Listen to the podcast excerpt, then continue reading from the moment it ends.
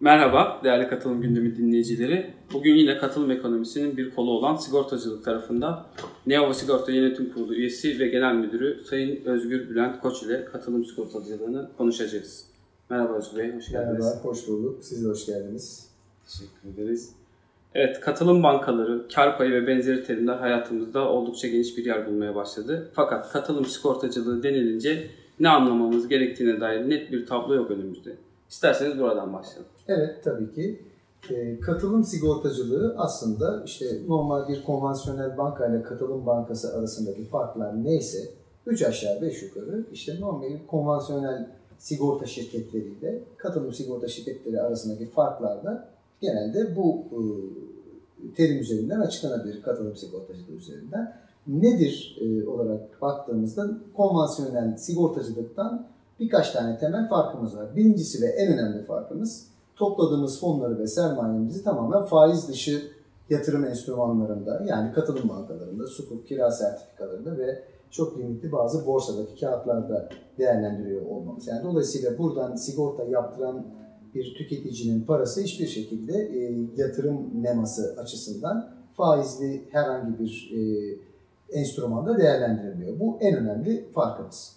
Bunun dışında e, ikinci önemli fark da e, biz e, katılım sigortacılığı e, e, olarak değerlendirdiğimiz yani bütün e, primlerimizin içerisinde e, dinen haram olarak nitelendirilen sigorta konularına ait herhangi bir e, poliçenin bulunmaması. Örneğin işte alkol satan, işte faizli bankacılık işlemi yapan sigorta konularına ait poliçelerin primleri herhangi bir şekilde bizim havuzumuza dahil olmuyor. Biz bunları sigortalamıyoruz. Ama bunun da hani e, Türkiye'deki genel sigorta konularına baktığınızda yüzde biri bile bulmayacak adette olduğunu söyleyebilirim. Yani Türkiye'deki yüz işletmenin 99'u rahatlıkla bizim sigorta yapabileceğimiz türden işletmeler. E, üçüncü ve en önemli belki diğer e, sistemden ayrılan e, unsur ise bizim e, müşteriden aldığımız e, primleri değerlendirip hasarlarımızı ve giderlerimizi yaptıktan sonra, ödedikten sonra ve rezervlerimizi de ayırdıktan sonra geriye kalan bir miktar olursa ki buna bakiye deniyor. Yani e, bakiye deniyor. Bunu müşteriye iade edebiliyor olmamız. Yani bunu bir nevi bir bonus gibi düşünebilirsiniz. Yani müşterilerimize ikramiye verebiliyoruz. Ama bunun tabii ki bir garantisi yok ve bir miktar taahhüdünde bulunamıyoruz tabii ki. Çünkü o seneki hasar ve giderlerin durumuyla alakalı. Ve bu açıkçası da böyle çok büyük rakamlarda olmuyor. Yani yüzde iki üçler civarında e, rakamları iade edebiliyoruz ama şunu söyleyebilirim, biz bunu indirim olarak falan vermiyoruz. Müşterimizin poliçesi bittikten belirli bir süre sonra e, bankadaki hesabına, e, istediği hesaba nakit olarak bu iadeyi yapıyoruz. Örneğin bunu zaten herhalde daha sonradan bunu daha detaylı konuşacağız. Evet. Şimdilik özetlemek amacıyla burada bitirelim istersen. Katılım sigortacılığı ülkemizde 2017 yılında resmiyet kazandı. Evet. Fiili olarak katılım sigortacılığı polise satışı ise Neva Sigorta 2009 yılında başladı. Tarihsel süreç içerisinde katılım sigortacılığının ülkemizdeki gelişimi ve geleceği hakkında ne söylemek istersiniz? Çok güzel soru, teşekkür ederim.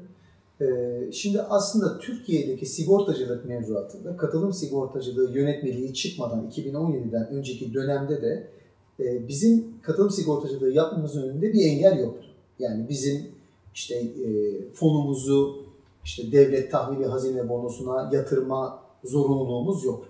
Yani ama düzenleyici bir yönetmelik de yoktu. Yani biz kendi kendimize, kendi iş prensiplerimizle bunu yapıyorduk.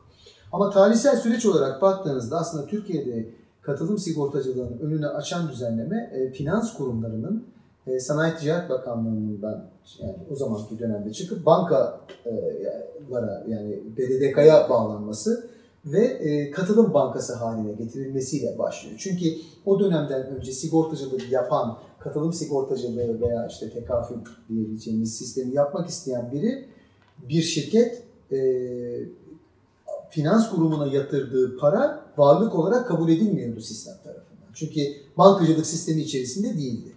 Fakat daha sonraki dönemde öncelikle zaten e, bizim grubumuzun da Türkiye'de e, katılım sigortacılığı yapmaya başlamak istemesinin sebebi e, zaten katılım bankacılığının finans kurumuna katılım bankacılığına dönmesi, BDDK regülasyonu altına girmesi Ve bizim rahatlıkla bir katılım sigortacısı olarak e, faizsiz finans geliri elde edebiliyor olmamızla aslında başlıyor.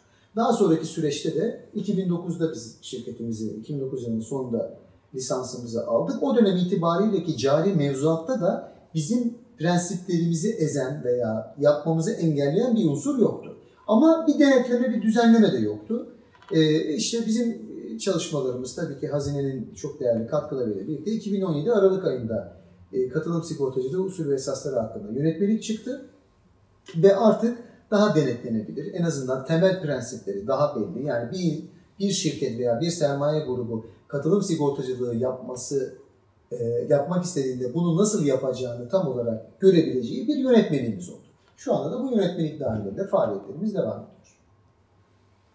Geleceğe dönük nasıl bir yani sektörün geleceğiyle ilgili nasıl bir öngörünüz var peki? Yani Evet. büyüme aşaması ya da yaygınlaşması nasıl olur? Nasıl Nasıl, yapılabilir? Şimdi şöyle tabii bizim aslında e, piyasadaki e, müşteriye ne, ne yolla ulaştığımıza baktığımızda katılım bankaları müşterileri bizim en öncelikli müşteri potansiyelimiz. Dolayısıyla Türkiye'de katılım bankacılığı büyüdükçe katılım sigortacılığı da ona paralel olarak büyüyecek. Bir defa bu yani banka ile sigorta ilişkisi zaten birbirine çok yakın. E, katılım bankacılığı müşterileri de bizim en potansiyel müşteri adaylarımız. Ama onun dışında hani Neova sigorta olarak baktığınızda bizim %15'imiz banka aslında müşteri potansiyeli. %85'imiz ajente. Ama e, potansiyel olarak baktığınızda katılım bankacılığın, büyüyen katılım bankacılığı aslında katılım sigortacılığının da ne kadar büyüyebileceğini gösteriyor. İşte katılım bankaları biliyorsunuz şu an toplamda %6 civarında bir büyüklüğe sahip. Katılım sigortacılığı da aşağı yukarı buna yakın şu an. Yani biz aslında katılım bankalarıyla birlikte hep beraber daha çok büyüyeceğiz. Ee, e şimdi şey olarak baktığınızda yani e, devletin e, kurduğu 3 tane katılım bankası var. 3 tane de özel katılım bankası var. E, katılım bankalarının sayısı ve müşteri nezdindeki e, görünürlüğü arttığında bizim de artacak. Üstelik bir de bizim acente tarafında da büyüme potansiyelimiz var. Yani orada da biz işimizi iyi yaptığımızı ve kendimizi doğru ifade ettiğimiz sürece oradan da büyüme potansiyelimiz var.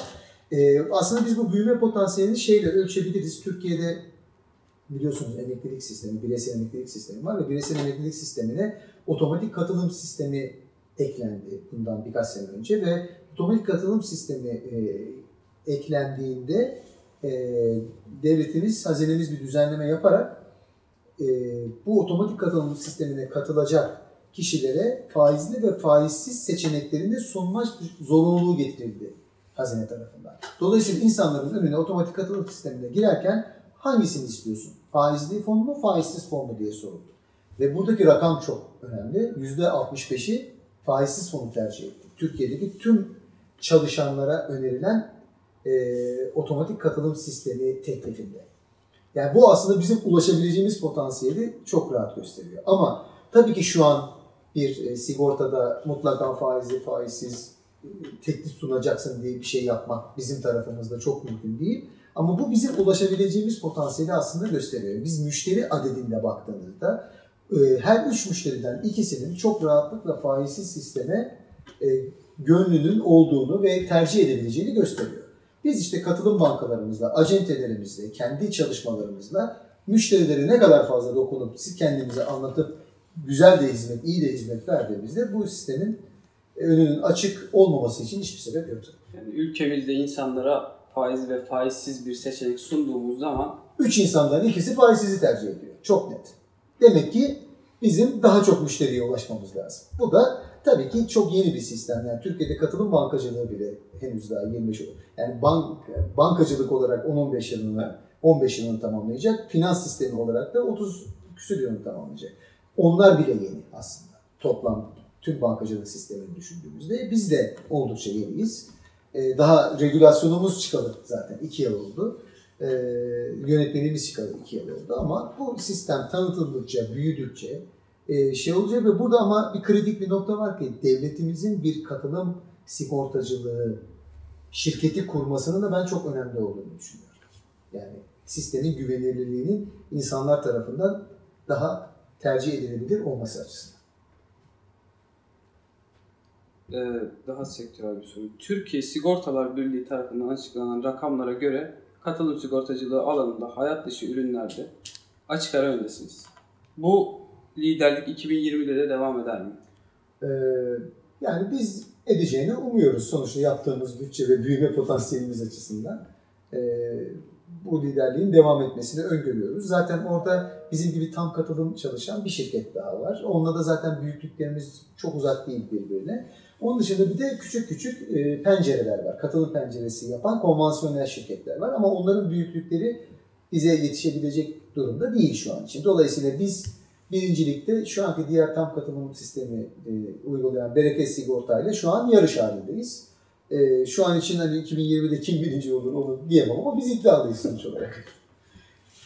Ee, pencere sisteminden bahsettiniz. Yani tam katılım sigortacılığıyla pencere sisteminin farkını Tabii ki pencere sistemi normal konvansiyonel hani parasını faizde değerlendiren ve e, normal bildiğimiz klasik Türkiye'deki konvansiyonel sigortacılıkla uğraşan bir şirketin kendi içerisinde bir e, katılım penceresi açarak sadece bu ürünü isteyen müşterileri ayrı hesaplarda tutup e, bu şekilde e, isteyenlere bu şekilde bir hizmet vermesi, bu şekilde bir ürünler vermesi şeklinde e, e, yapılmış ve katılım sigorta yönetmeliğinde yer alan bir e, uygulama, katılım penceresi. Katılım sigortacılığı penceresi. Şimdi bunu uygulayan e, hayat ve hayat dışında dörder beşer tane şirket var. Ama bunların payları oldukça ufak ve bunlar sınırlı süreli aslında. Bunlar 3 yıl e, ya da hazinenin iznine göre maksimum 5 yıl içerisinde bu pencereleri normal e, katılım sigorta şirketine çevirmek zorunda. Şu anki yönetmeliğe göre bir değişiklik olmazsa. E, aksi takdirde tasfiye etmek durumundalar. E, şu an için daha 2 yıl oldu en yaşlısı öyle söyleyeyim katılım penceresini. İşte bunların gidişatına göre eğer potansiyel görürlerse ve bir bilgiye ulaşırlarsa bunları katılım sigortacılığı şirketine dönüştürmeleri gerekiyor. Aksi takdirde tasfiye etmeleri gerekiyor. O zaman bir nebze benim şimdi soracağım soruyu da cevaplamış oldunuz. Yani sektörde şu an siz, Neova Sigorta var ve Bereket Sigorta var. Evet. Ee, sektöre yeni oyuncular katılacağını öngörüyor musunuz? Ee, şöyle e, yani şu an tabii sektöre kat- tam katılım yapan sadece katılım çalışan şirket potansiyeli olarak bu havuzların ileride şirkete dönme potansiyelini görüyorum. Ama kaç tanesi ne kadar döner bu kendilerinin bileceği iş. Potansiyeliyle alakalı. Onun dışında yurt dışından gelecek diğer e, diyelim ki işte İslam ülkelerinde tekafül sigortacılığı olarak e, bunu yapan ve Türkiye'de bu sistemde e, yer almak isteyen zaman zaman sermaye grupları oldu. Hatta bir tane şirket Türkiye'de geldi e, sadece sağlık alanında çalışan Kuveyt orijinli bir şirket. Hatta şirketi aşı olarak da kurdu ve e, hazineye başvuru aşamasına gel- geldiği süreç, süreçte biraz işte Türkiye'nin genel ekonomik yapısı ve e, konjektürel sebeplerden bir, bir süre ertelendi. Dolayısıyla e, şey bekliyoruz tabii ki e, sayının artmasını bekliyoruz. Ama şu anki hani genel konjektür itibariyle açıkçası çok fazla sayıda başvuru yok. Ama ben var olan havuz, e, özür diliyorum, katılım pencerelerinden bir ya da iki tanesinin e, yakın dönemde katılım sigortacılığı AŞ olarak faaliyete geçebileceğini düşünüyorum. Daha güncel bir şey soracağım. Devlet destekli alacak sigortası gündemde şu anda. Devlet. Evet. Ee, Ve bizim bu konuda şeyimiz var. E, bu şey, e, bunu yöneten şirkete başvurumuz var. Yani lütfen bunun katılım penceresini de kurun. Biz bu ürünü katılım bankaları üzerinden pazarlayalım şeklinde. Orada da o sürecin bitmesini bekliyoruz. Yani bu unutulmuş yani Değil. katılım bankacılığı, katılım sigortacılığı unutulmuş değil bu noktada. Hayır, şu an sadece aslında sadece alacak sigortaları değil, DAS'ta da Tarsim'de de. Biz e, katılım pencerelerinin o kurumlar içerisinde kurulması için başvurularımız var. Bu konuda alınmış kararlar da var ama süreç henüz tamamlanmadı. Tamamlandığında e, daha da e, rahat bunları pazarlayabilir. Tekrar geliriz Üstad o zaman. Tabii. Tekrar ağırlarsanız. Tabii, tabii. Onları konuşmak için. Hı hı. Özgür Bey yanımıza katıldığınız için çok teşekkür ediyoruz. Ben teşekkür ederim. Ee, Sizi ağırlamaktan son derece memnunum. Başarılarınızı devam ediyorum. Çok sağ olun. Evet, katılım gündemi dinleyicileri. Bir podcast yayınımızın sonuna geldik. Bugün Neova Sigorta Yönetim Kurulu üyesi ve genel müdürü Sayın Özgür Bülent Koç ile katılım sigortacılığının derinlemesine konuştuk. Gelecek programda tekrar görüşmek dileğiyle herkese güzel bir gün diliyoruz.